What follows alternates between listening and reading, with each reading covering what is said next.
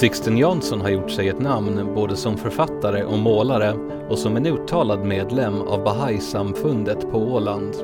Men för de allra flesta är han känd under ett annat namn. Det här är historien om hur en lumparlänning växte upp jämsides med rock'n'rollen, blev den åländska musikscenens kanske största kultfenomen och släppte en osannolik singel som förblir ett samlarobjekt än idag. Det här är historien om Pop-Sixten.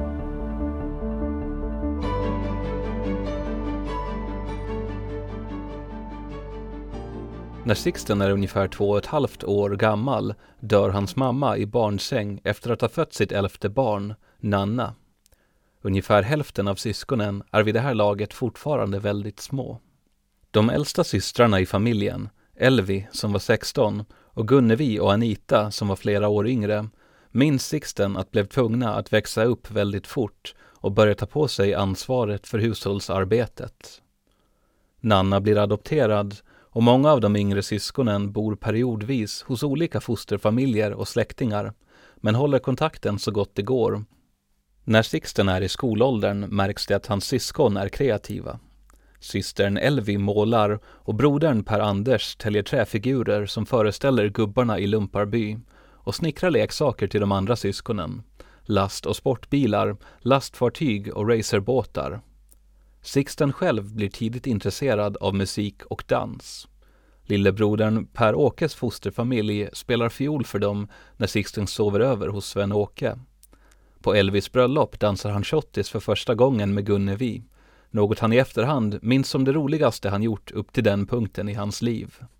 1959 lär Anita honom dansa tango i gårdens bagarstuga och eftersom de saknar musik sjunger hon Augustin av Brita Borg Sveriges bidrag till Eurovisionsslagerfestivalen.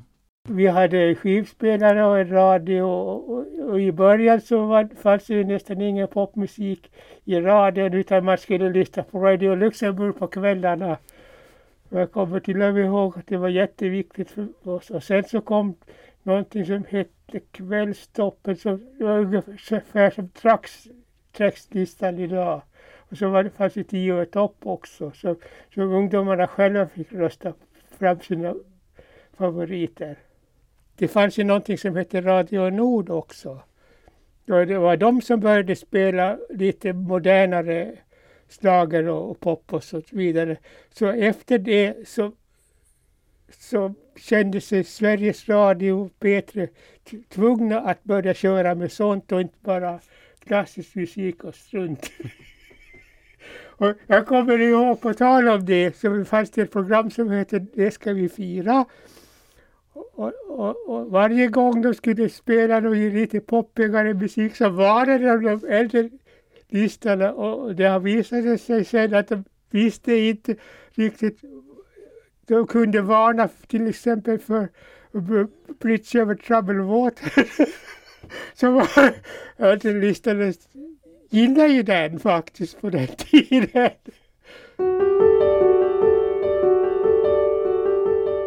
I början av 60-talet hade det börjat bli vanligt med elektricitet i hemmen i Lumparland och på midsommarafton 1962, när Sixten är 15, händer något. Efter stångresningen ger man sig av till en gammal dansbana i skogen i Krogstad för att dansa. Dit har man dragit ström via en brandstation tvärs över vägen och elektriska ljus hänger i träden. Och även musiken är elektrisk. På scenen står nämligen Ålands första gitarrband, Anacondas, fyra killar från Lumparby, som vid det laget spelat tillsammans i bara några månader med elgitarrer och förstärkare.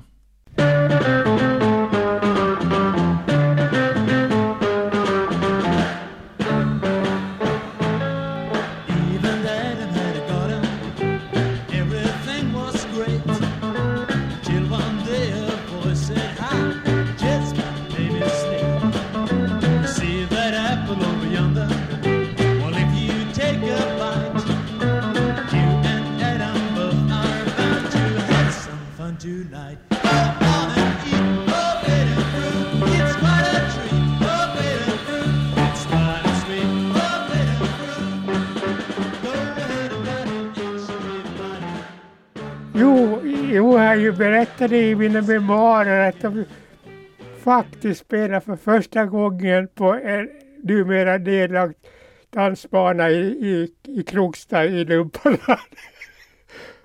jo, sen den här dansbanan kom till som så att först hade vi, det fanns ju Dansarberg. Men det, först, det fanns ett dansarberg som var, låg för deras kyrkan och det tyckte de inte om. Så det var en gubbe i, där i Krokstad som ordnade med den här dansbanan. Och, och det drogs el genom skogen och upp dit och plus att de hade sådana här äh, kulörta lampor där.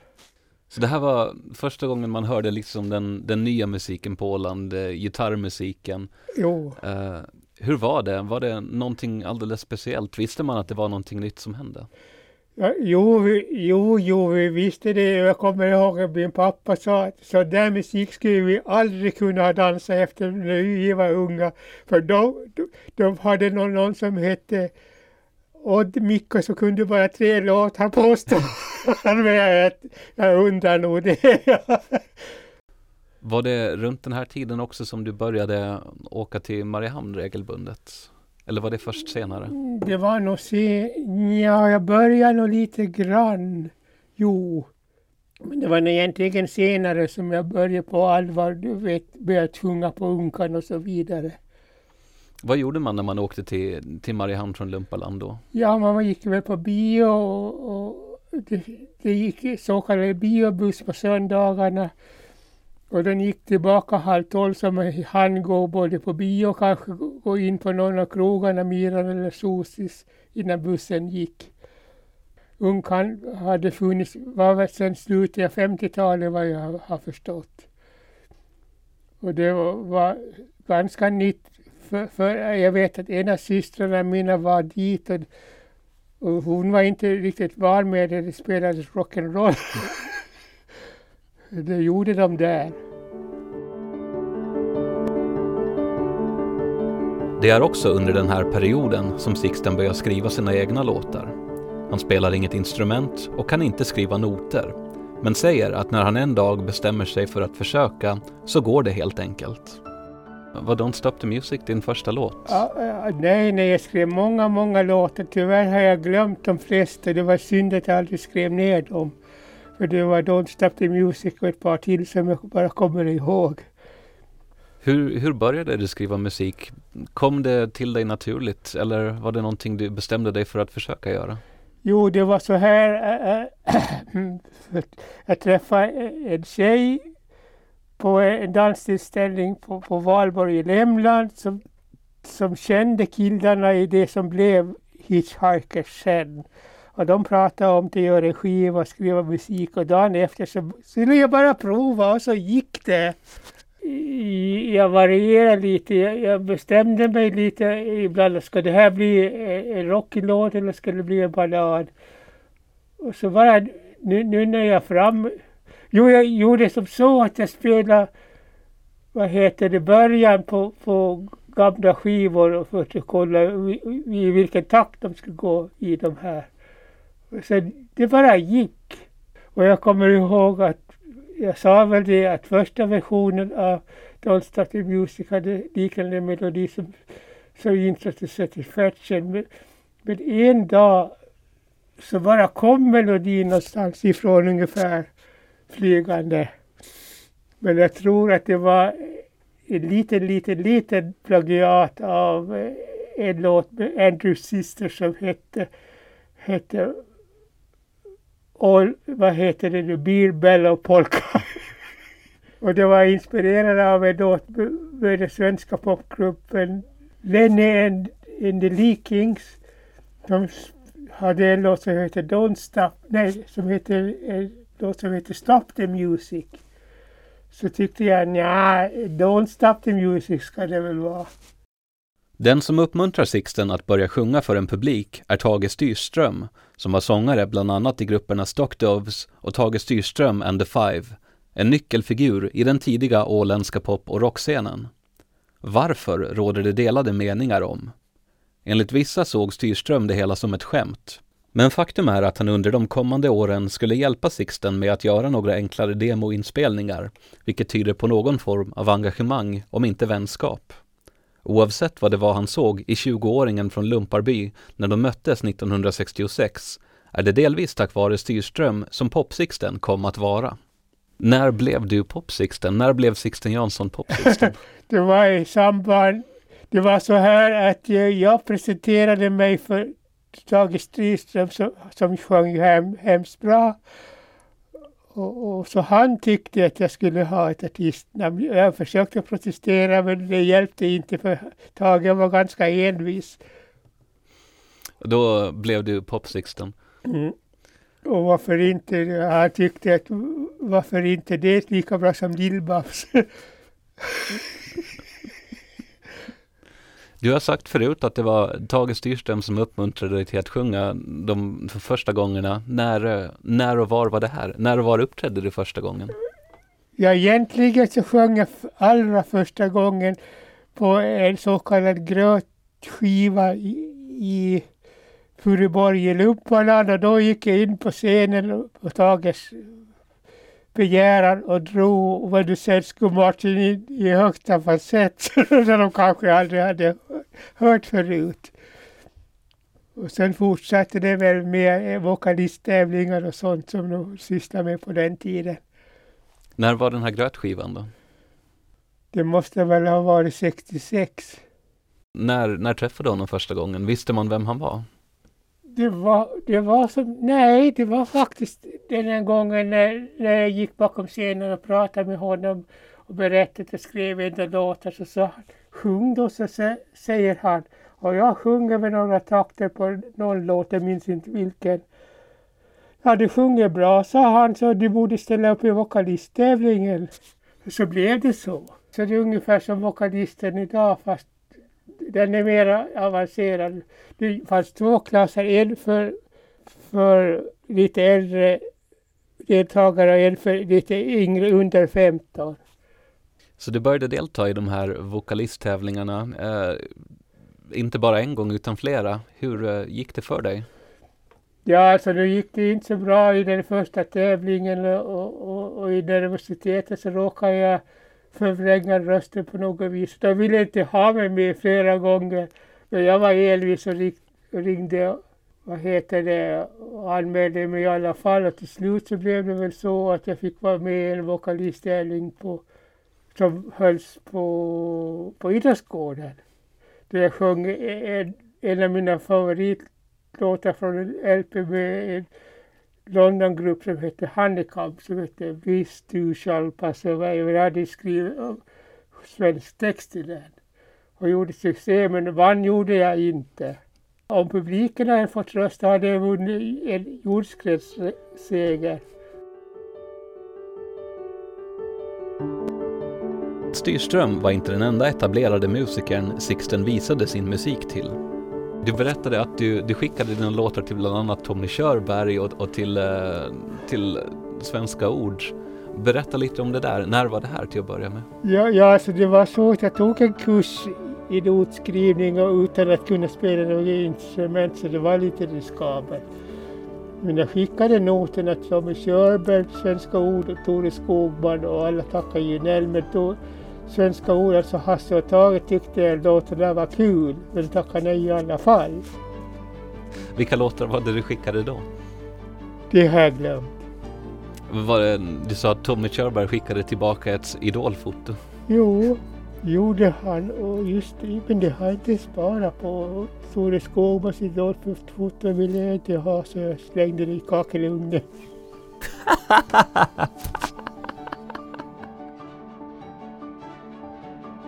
Sixten hade framträtt med olika versioner av Don't Stop the Music sedan 1967 på olika ungdomsgårdar och vokalisttävlingar. Genombrottet kommer 1980.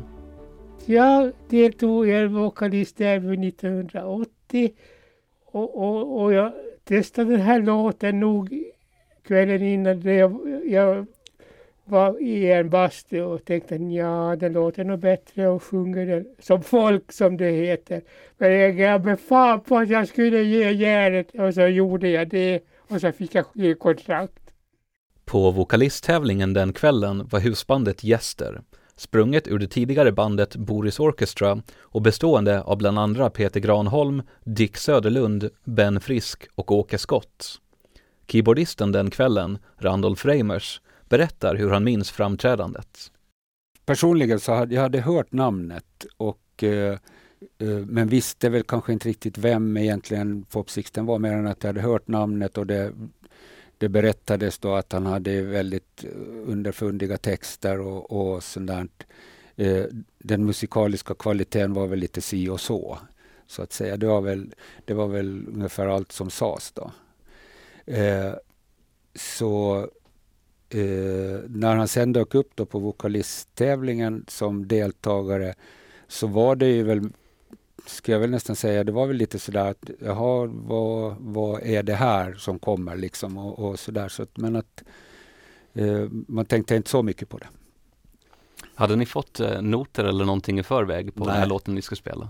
Nej, eh, det var ju det var både spännande och och dramatiskt på något sätt. För att inte, Sixten är ju inte den som eh, kommer med ett arrangemang och sticker in i händerna att eh, nu ska ni spela så här vers och, vers och så. Så att vi fick ju, vart efter vi repade fick vi fråga oss fram lite hur, hur, hur det skulle vara då. Men vi, vi hade ingen aning om något ackord eller någonting sånt. Och, och så att eh, Eh, första repetitionen så var ju liksom ren katastrof för att eh, Sixten kunde inte på det viset tala om heller att så här vill jag att det ska vara utan vi fick nog söka oss fram och så bestämma att det är den här ackordsföljden vi spelar och, och vad kan man säga som så att själva framträdandet så, så var väl i princip som en, en, en repetition helt enkelt.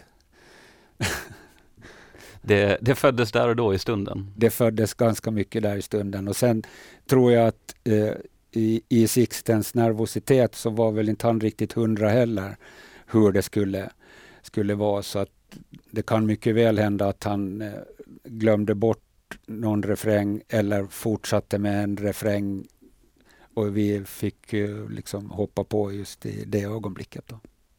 Och, och sen var det ju naturligtvis, eh, jag menar Sixtens, eh, vad ska vi säga, taktkänsla och så, så var ju inte, var ju inte hundra heller så att, så att man fick ju verkligen liksom hålla hårt på det, det taktmässiga, att man inte, för annars så var man ju väldigt lätt ute och cykla liksom. Så att, eh. mm, att man blev medlockad att följa honom istället? Ja, vare sig man ville eller inte så blev man indragen i, i hans tempo och takt. Men ni, ni kommer igenom det i alla fall. Hur reagerade rummet? Eh, alltså det, det, det, var ju så att, att, många, många så tog ju det som ett enda stort skämt upplevde jag det. Liksom, att det var, och vi hade ju också naturligtvis jättesvårt att, att liksom hålla, oss, eh, hålla oss till någon form av professionalitet eller vad man ska säga. Det var jättesvårt. Jag kommer ihåg bland annat att Dick hade otroligt svårt att, att kunna hålla hålla sig för, för, för garv eh, naturligtvis. Och publiken var ju liksom, man kan väl säga väldigt road liksom utav det. Så. Men det var, det, det var ju inte så att, att folk ställer sig upp och buar eller liksom står och pekar utan det var ju enormt jubel liksom när han var klar med den. Så att det var ju på det viset en succé för, för Sixten kan jag tänka mig. Hur gick det till att du fick skivkontrakt? Alltså jag skickade in en kassett till, till flera skivbolag och ett av dem, ett av Sveriges största skivbolag, MAJ, så nappade direkt efter tre sekunder. Jag har fått höra och, och de tyckte att så här ska det låta även om man sjunger falskt och så vidare. De tyckte att det skulle vara så där. Så då var det ju folk som undrade hur i helvete kunde han få skivkontrakt när han sjunger så falskt. Och sen så ville de ha, vad var det bara att spela in en B-sida och det gjordes på, på pubbastun med något band som kallade sig för Husmus. Och, och då, vi gjorde ett par tagningar och den på Sjung hej allihopa och det blev antaget. Och så jag var, var aldrig inte någon skivstudio. Den här spelningen blev ju senare singeln Don't Stop the Music.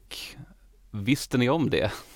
Eh, nej, nej faktiskt inte. Vi fick läsa det i tidningen att, att han var på gång att göra en, en singel och i den stunden då så läste vi också att det var den bandningen från vokalisttävlingen. Så jag vet först, så, så, vi hade ingen aning. Sixten hade inte ens varit i kontakt med oss och frågat om det ens, att vi tyckte att det var okej okay att vi får, får den stora äran att vara med på, på liksom inspelningen på hans singel. Uh, så, så det blev, första reaktionen blev väl nog lite sådär att man blev lite, lite uppjagad och lite irriterad över att man för att vi kände ju att det resultatet från den inspelningen har man ju definitivt kunnat förbättra ganska rejält. Liksom, för att, så det gick lite över våra huvuden faktiskt. Var det förvånande att EMI plockade upp den här inspelningen? Det ska jag väl nog säga. Jag skulle väl inte liksom sagt att det var, att det var väntat. Alltså det skulle väl kunna vara varit väntat om något typ lokalt liksom hade tagit till sig och, och tänkt att vi ska släppa det här. Men att just EMI gjorde det. Så det, det var nog väldigt överraskande. Men samtidigt så reagerar man ju så också att, att då, då finns det ju en chans för honom att få ut skivan. Fast eh, det, är väl mera, det är väl mera sånt som kommer i efterhand. Liksom. Det var, då tyckte man att vad fasen, det, det, behöver väl inte bli så uppschasat i och med att man inte riktigt var nöjd med, med materialet själv. Liksom. Vad var det då skivbolaget EMI såg i en liveinspelning från en vokalisttävling på en ungdomsgård på Åland? Ett uppträdande som många i publiken kan ha tagit som ett skämt. I samband med att singeln Don't Stop the Music gavs ut intervjuades Sixten och också Leif Berggren från EMI som först tog emot demoinspelningen av Per Holmberg för det som då hette Radio Åland. Så här lät det då. Ska vi ta och lyssna på den så får du presentera den? Vad heter den? Eh, Don't Stop the Music.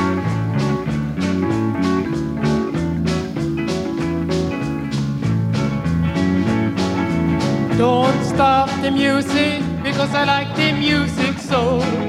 Please don't stop the music, let every music because it sounds so good. Please don't stop the music let it play in neighborhood. Don't stop the music, I like to dance and sing. Please don't stop the music, keep the music swing. Swing out the blues, jazz and rock and roll.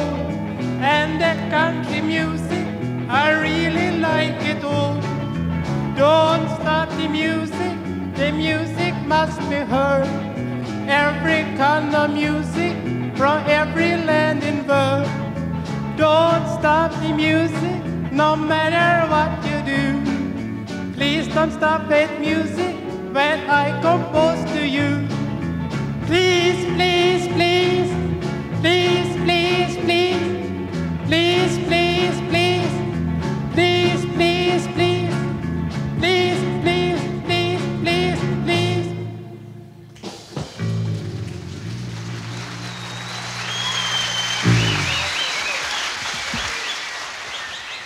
Så låter den alltså, A-sidan på din första singel.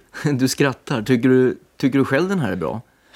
Ja, jag tycker den är, den är rätt så kul och så där och svänger om den och så vidare.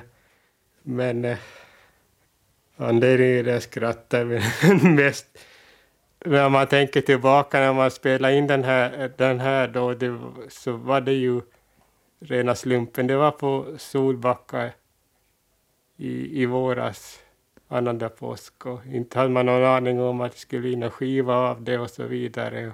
Ja, det började väl med att det eh, damp ner en kassett på mitt skrivbord en dag och eh, då tog jag och lyssnade på den och efter fem sekunder så hajade man till ordentligt för det var någonting ganska unikt faktiskt. Hajar man till för att det är en bra låt? Ja, man kan säga dels eh, Sixten har en väldigt personlig sångstil. Och sen tyckte vi att han hade fått ihop en låt som funkar rätt bra och den var väldigt bra tidsmässigt. Jag menar, de flesta som gör låtar de håller på i 5-10 minuter. Va? Det här var en ganska kul låt plus hans sätt att göra den. Det var, det var fanns en bra motivation för att ge ut det på platta. Du berättade att ni gick och trallade den här i skivbolagets korridorer. Ja, kan man säga. Vi jag satt och spelade den ganska högt inne på mitt rum och folk gick förbi och stack in huvudet och undrade vad det var för någonting. Och sen efter att de hade hört låten så kunde de den så att eh, den var helt uppenbarligen kommersiell också. Den här låten, tror du att det är ett ämne till en hit? Ja, det är en sån här grej som är... An, det är antingen eller. Antingen så uh, faller den i total glömska eller så blir det en hit. Ska jag gissa på en av de grejerna så tror jag att det blir någonting för att jag, jag, jag tycker att det är en både kul och bra grej. Jag menar bra, inte kvalitets, de här vanliga kvalitetsbegreppen utan jag tycker att det är en, det är en kul grej som fungerar och Sixten själv står för grejen och då tycker jag det, att den förtjänar att slå också. Men Don't Stop the Music blev aldrig en radiohit. Singeln trycktes upp i tusen exemplar innan EMI drog ur stöpseln. Vet du hur det gick för den där singeln sen? Den skulle ha blivit ett hit, men de gav väl upp lite för tidigt. Det kunde ha hamnat på textlistan, men de gav helt enkelt upp för tidigt.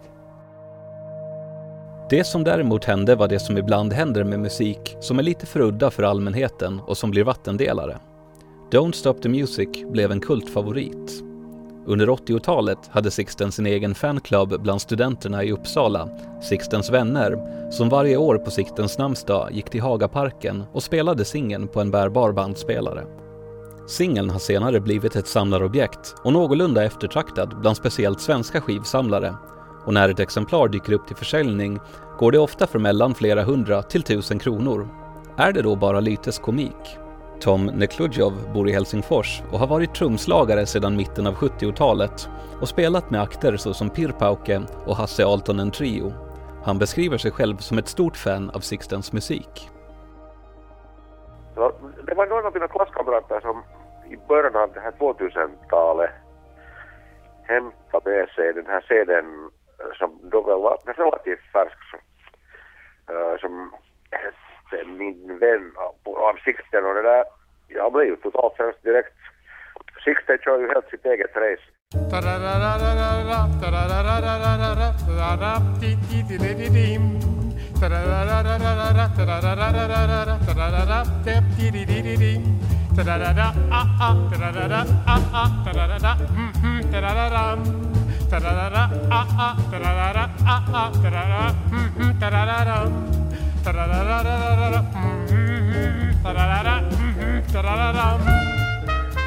Jag, jag tycker i alla fall att största delen av musiken idag och det gäller både klassisk och rock och jazz är ju, så den är nog relativt, i, stor, i det stora hela så är det nog ganska likformigt. Och, och, och det där framförallt det att eh, det är så många som försöker genom att imitera sina förebilder och de som är kända som, som försöker de få ett så här erkännande eller ett godkännande att de är sådär liksom duktiga, att det var fint gjort. Men det där bryr sig ju Sixten om alls inte. Och det där, han kör på bara sitt, han kör sitt eget race så att säga. Och, och sen eh, förnimmar jag, för jag tycker det är en sån här otrolig glädje och en sån här glad energi, i allt det där vad han gör. Plus lyriken hans, det där, han är ganska underfundig. Att eh, det, det, det är både en och annan sak som kanske, man, man kanske inte märker genast när man lyssnar på de här låtarna. Att uh, där finns, mm, hur ska man säga, på engelska, hidden wisdom, gömd visdom, eller någonting i den stilen. Och så finns det ju massor med humor i de där grejerna också. Jag menar, så, så att det som man hör första gången så kanske man inte ens liksom blir varse om allt som är inbakat, så att säga, antingen medvetet eller omedvetet i hans musik. Ja, oh.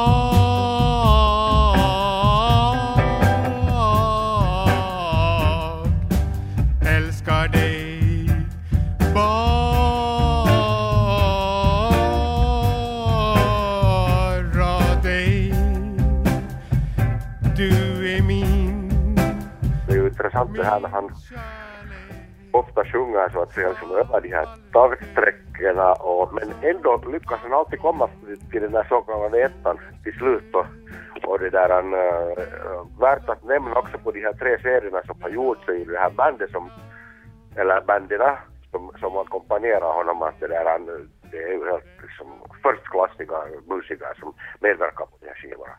Han är ju ett unikt fenomen det här som du sa med att gå över taktsträcken, där tänker jag att du som trumslagare har ganska bra koll på det här rent rytmiska och hur en låt fungerar ihop. Nu vet jag inte om du är bekant med artister som så Captain Beefheart eller The Shags som ju är Jo, jo, jo, det är gamla bekanta. Gamla bekanta, okej. De är ju lite samtida som Sixtens första verk. eh, och är också sådana som har anklagats för att kanske inte kunna spela eller sjunga riktigt, för att inte riktigt kunna hålla sig till takten. Men som ändå förblir kultfavoriter till denna dag. Eh, går det att dra någon sorts jämförelse där, tycker du? Ja, det där... han- Nej, inte riktigt. Nej, nej, nej. Sixten har nog helt, en, helt, helt egen stil. Plus att framförallt det där, hur ska vi säga, den här uh, ska vi säga andliga klimatet i hans sånger så går det nog riktigt att jämföra med Kapten Bifart eller med The Stags. Det andliga klimatet, ska jag få be dig utveckla ja, lite det är en där? annan stämning ändå. Han har nog en helt sin egen stämning. Inte, tycker jag han har så mycket liksom, på, på det sättet gemensamt med, med de här två förutnämnda. Alla andra går ut, eh, vi, vi gör mer eller mindre på samma sätt. Så har vi en som så att säga liksom gör det på sitt eget sätt men ändå kommer, kommer, kommer i mål så att säga. Så är nu är inte inte det lätt att sjunga precis där som han gör. För Sixten fanns det däremot inget tvivel. Skulle det kunna vara efter den tävlingen eller om det var efter det att han hade släppt skivan. Nu kommer inte jag ihåg det riktigt. Eh, men då får han ju ut på någon slags sån här Ålandsturné i alla fall, kommer jag ihåg. Och eh, då hade vi ett, då skulle vi kompa honom åtminstone vid ett tillfälle. Jag är osäker om det var någon, något, något tillfälle till. Men ett tillfälle så skulle vi kompa honom på Hammarbo. Och eh, vi skulle också spela där på Hammarbo på kvällen men han skulle vara som liksom guest star då under kvällen. Och jag kommer ihåg bara att, att eh, vi, vi, vi blev liksom sådär imponerade av att det kommer en, en åländsk artist och liksom kräver i sin, i sin rider att han ska ha egen loge och eh, liksom sätter med allting som ska finnas i den logen. Eh, och, och sådär. Så vi, vi blev liksom, ja det var sån här, ja man blev lite imponerad att han, då, då var han på väg uppåt liksom. Han var en riktig rockstjärna helt Han var en enkelt. riktig rockstjärna. Ja. Det var faktiskt helt otroligt för det var jättemycket folk. Det var otroligt mycket folk som, som kom dit så att just den kvällen att vi skulle spela dansmusik resten av kvällen så det var ju, det var ju ett lyft för den kvällen. Eh, och eh, jag kommer ihåg bara känslan när vi började Jättedans och log du så glatt och jag så en chans och när du la din kind mot min du kickade mig i himlen in Kommer jag dansa, kommer jag dansa kommer jag dans, dans, dansa med mig till dig Sjung hej allihopa, hej, hej Sjung hej allihopa. Sjung hej allihopa, hej, hej Sjung hej allihopa, hej, hej Hej allihopa, hej, hej Sjung hej den här tryckvågen som kommer från publiken när den kommer fram rusandes till scenen så har jag väl aldrig upplevt eh, tidigare och inte ens senare heller faktiskt. Det var helt otroligt alltså vilken, vilken respons han fick just på det då. Så, så det, var, det var en upplevelse i sig så att säga. Och samma där, han blev ju liksom nog väl mottagen och, och, och på det viset. Jo, det måste jag få berätta. Det var när jag, jag tror det var första gången jag sjöng på The Baser, eller om det var andra. Andra måste det ha varit. Så publiken jublade som sjutton och jag lade märke till en kvinna som inte tittade på mig utan hon tittade på högtalarna. Så visade det sig att hon var ju alldeles blind så hon kom bakom scenen bara för att krama mig. Och det var, tyckte jag var ett jädrans bra betyg för att hon hade ju inte sett showen. Hur är det för dig att vara på scen? Hur känns det och, och vad gör du? Det var någon som undrade varför helst sökte jag till teaterskolan efter att trivs så bra på scenen.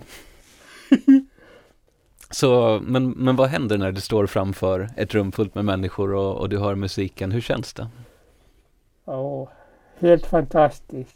Och jag kommer ihåg i början så brukade jag vara jättenervös när jag skulle upp på scenen. Men sen när man kommer upp på scenen och folk börjar jubla så bara fan.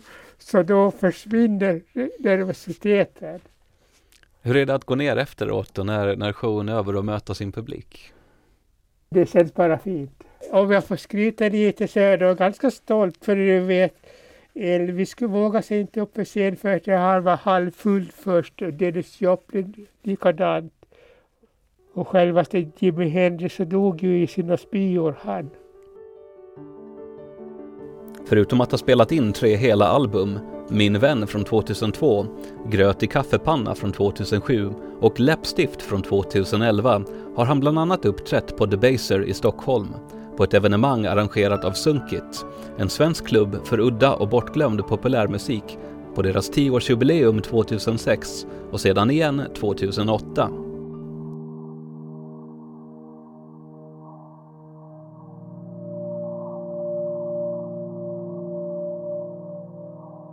Nu för tiden skriver Sixten ingen musik längre.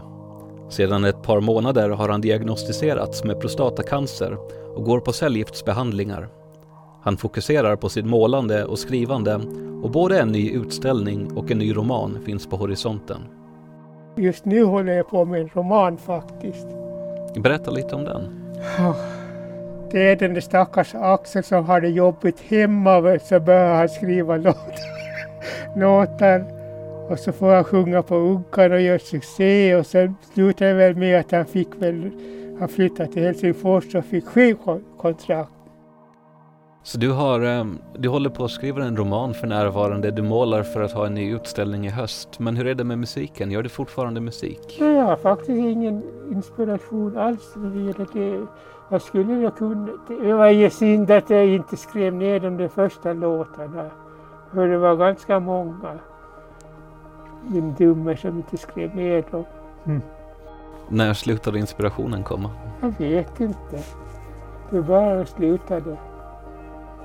Och jag som hade så bra i, i, vad heter det, idéer ett slag. Alltså till och med när jag gick i ladugården och hörde Hölse kaktus och tänkte det där skulle man kunna skriva en låt av.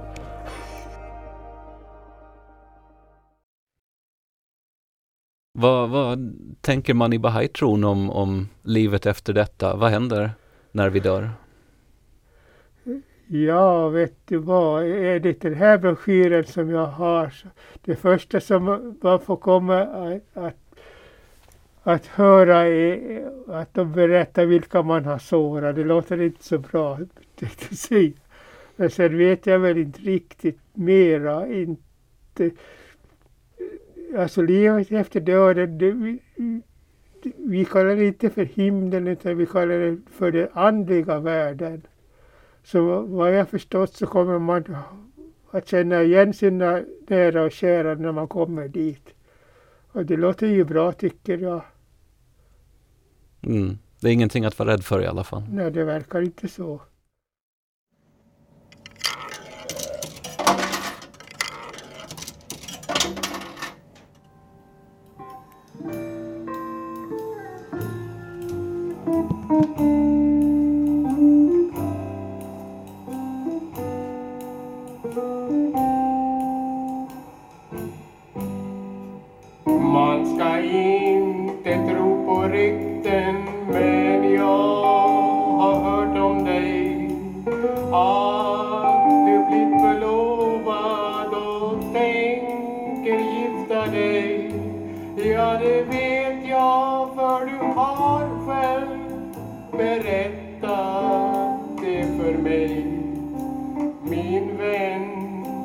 Min vän, min vän Sixten må ha slutat göra musik, men den han skrev och spelade in lever kvar. På åtminstone ett ställe i Mariehamn finns den fortfarande i rotation. Hans första fullängdsalbum, Min vän, är en av de hundra skivorna i Pubettans jukebox. Och enligt innehavaren Grulle Eklund spelas den här såväl för de redan invigda som för de som aldrig hört Sixten förut. Nu var det ju så här att när jag tog över puben så eh, på gamla jukeboxen som var leasad så fanns den här Don't Stop the Music-samlingen. Eh, eh, med original eh, Don't Stop the Music-inspelningen på. Eh, och den fick, var, var ju ganska svår att få tag i. Det är många som har den men ingen vill ju liksom bli av med den. Men Patrik Dahlblom som, som fixade ihop den här eh, såg till att jag fick ett, ett ex hit till jukeboxen och sen hur, köpte jag själv då den här eh, Min vän Sixten. Så att den också finns här. Och, jo, det, det, folk hajar väl till. Han är ju en speciell artist. Det, det är klart att han är. Men det är ju det som är, är vad jag gillar med Sixten också. Att ingen kan låta som han. Oavsett om man försöker eller inte så går det inte. Eh, han är ju som sagt rätt känd. Det finns folk också som har frågat. Oj, har du Sixten? Du har lyssnat på Ålands Radios dokumentär om Sixten Jansson, alias Pop-Sixten. Jag som har producerat dokumentären heter Felix Kvarnström och jag vill rikta ett särskilt tack till Patrik Dahlblom för sammanställning av den tidiga åländska pop och rockscenens historia varit en värdefull resurs.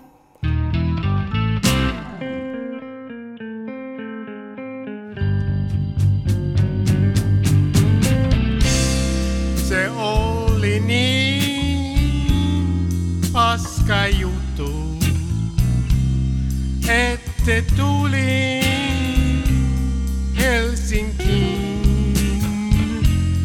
Se oli niin paska juttu, että minä tulin Helsinkiin. Minnestä se oli nyt paras, lähde Kongon takaisin. Det var en skit, skit historia att jag kom till Helsingfors. Det var en skit, skit historia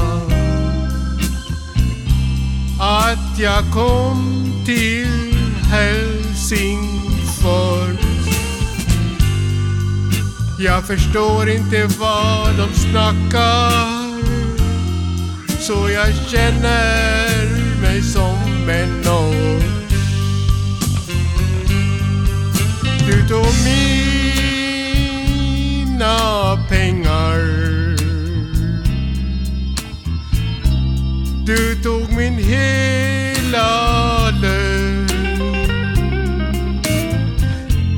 Du pengar Du tog min hela lön.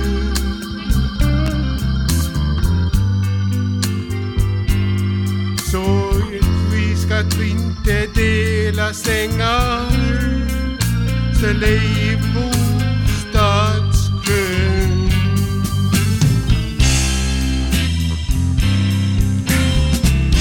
Människorna